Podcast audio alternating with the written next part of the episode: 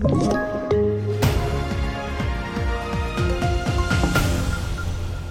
Kärnkraftverk har förlorat strömmen, uppbyggnad av svenska försvaret försenas och rekordböter för Facebook.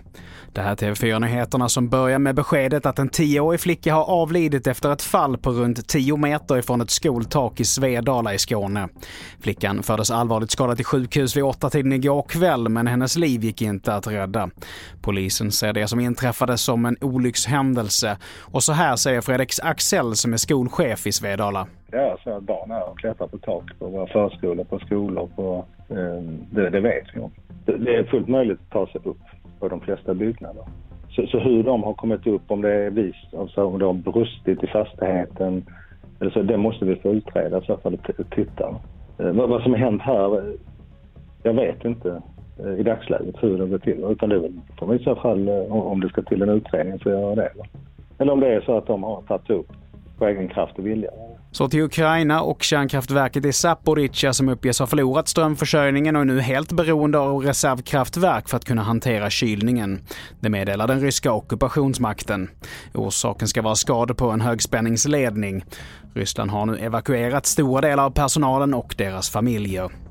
Och vi fortsätter till Sverige där uppbyggnaden av det svenska försvaret försenas på grund av vårt stöd till Ukraina. Och nu måste arbetet effektiviseras enligt ÖB. Och så här säger Patrik Oksanen från tankesmedjan Frivärd. Vi ska komma ihåg att vi kommer från en försvarsmakt som har lärt sig att man har mycket tid och lite pengar och att vi har också då haft en, en process som har gått ut på att vi, vi rustar ner och skär ner. Eh, och den process som vi då har använt för det försöker vi nu köra åt andra hållet att bygga upp med. Så att det är klart att det här blir skavanker och eh, gnissel och problem på väldigt många nivåer. Till sist, Facebooks ägare Meta Platforms har åkt på EU-böter på 1,3 miljarder dollar, alltså motsvarande nästan 14 miljoner svenska kronor. Det rapporterar tidningen Wall Street Journal. Enligt tidningens källor är böterna på rekordnivå och det handlar om att plattformen har skickat användarinformation till USA. Fler nyheter hittar du på tv4.se. Jag heter Mattias Nordgren.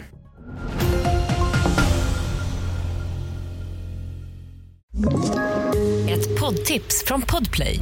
I fallen jag aldrig glömmer djupdyker Hasse Aro i arbetet bakom några av Sveriges mest uppseendeväckande brottsutredningar går vi in med hemlig telefonavlyssning och, och då upplever vi att vi får en total förändring av hans beteende. Vad är det som händer nu? Vem är det som läcker? Och så säger han att jag är kriminell, jag har varit kriminell i hela mitt liv men att mörda ett barn, där går min gräns. Nya säsongen av Fallen jag aldrig glömmer på Podplay.